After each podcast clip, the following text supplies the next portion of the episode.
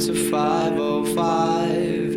If it's a seven hour flight or a 45 minute drive, in my imagination, you're waiting, lying on your side with your hands between your thighs.